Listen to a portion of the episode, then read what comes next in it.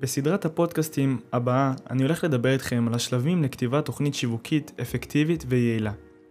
אז בפודקאסט הקודם דיברנו על השלב הראשון, שלב הגדרת המטרה השיווקית. המטרה העליונה של התוכנית השיווקית היא לעזור לנו, בעלי עסקים, למנהלים, מנהלי שיווק, להרים מערך שיווקי אפקטיבי ויעיל, שבסופו של דבר יקדם את העסק אל עבר המטרה השיווקית שהגדרנו. בפודקאסט הזה נדבר על השלב השני של התוכנית השיווקית, שלב חקר השוק על קהל היעד. פתיח ומתחילים. אתם מאזינים לפודקאסט של ביזנס אפ.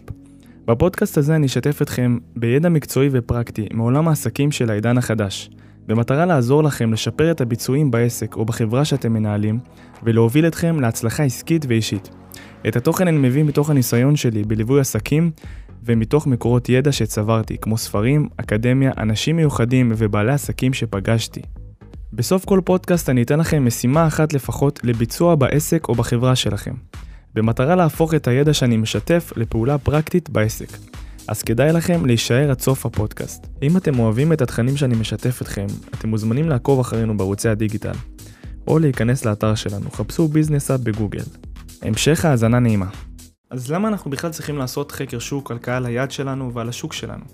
בשלב השני של התוכנית השיווקית, אחרי שהגדרנו את המטרה השיווקית, נבצע חקר שוק על קהל היעד שלנו ועל השוק שאליו אנחנו רוצים לפנות. המידע שנאסוף יעזור לנו לשווק בצורה אפקטיבית וממוקדת יותר.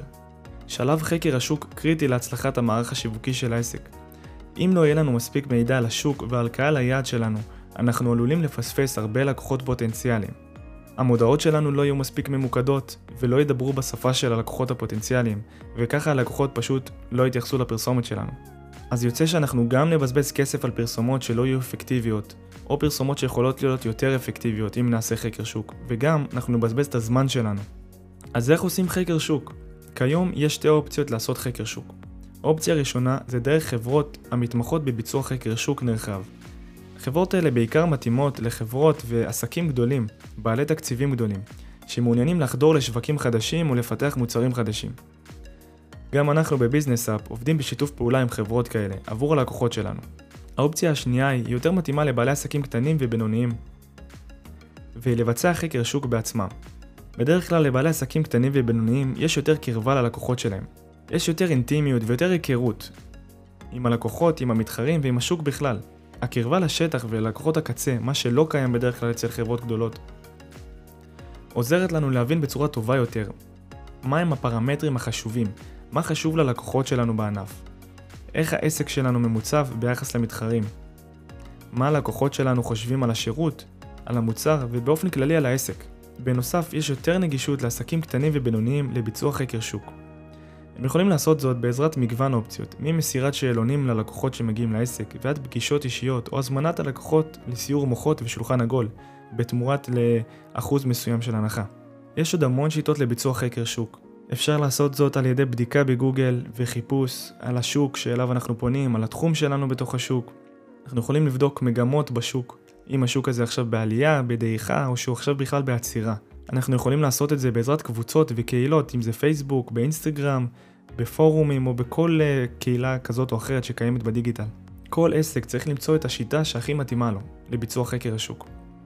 אז השאלה השנייה היא, איזה מידע אנחנו צריכים לאסוף מתוך השוק ומהלקוחות שלנו?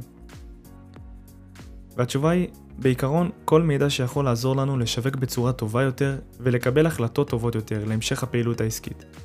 נרצה לדעת כל דבר שקשור לשוק שלנו ולקהל היעד שלנו. מטווח הגילאים של הלקוחות שצורכים את המוצר או השירות, ועד לחששות שלהם, הרצונות שלהם, החלומות שלהם, ועוד. ובנוגע לשוק, נרצה לדעת היכן העסק שלנו ממוקם ביחס למתחרים. מהי מגמת השוק? לדוגמה, האם הממשלה הקימה איזשהו חוק שיכול לקדם אותנו בתוך השוק, שיכול לקדם את השוק בכלל. אנחנו נרצה לדעת מה הפוטנציאל שלנו בשוק, בשקלים או באחוזים.